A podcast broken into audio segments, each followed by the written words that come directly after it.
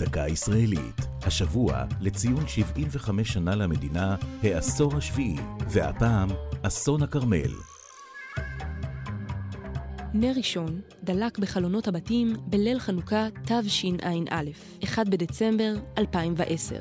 למחרת היום נשקפו ממסקי הטלוויזיה להבות ענק, ועננת עשן כבדה התעמרה מעל רכס הכרמל. הדלקה ניצתה ביער ליד עוספיא, לאחר שנערים ישנו שם, והלהבות המאיימות התפשטו מגבולות הגן הלאומי פארק הכרמל לכיוון אזורי מגורים, דוגמת שכונת דניה בחיפה, וכפר האומנים עין הוד. בשלב זה כבר אי אפשר היה לרסן את הלהבות. ישראל ניצבה מול השרפה הקשה בתולדותיה.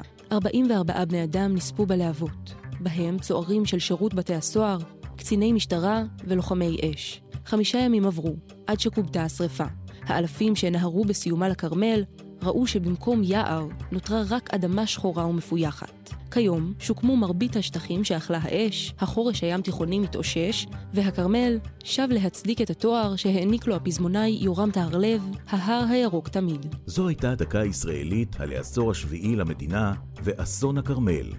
כתבה אחינועם בר, ייעוץ הדוקטור יריב מליחי, הפיקה פרח בר גולדפרב.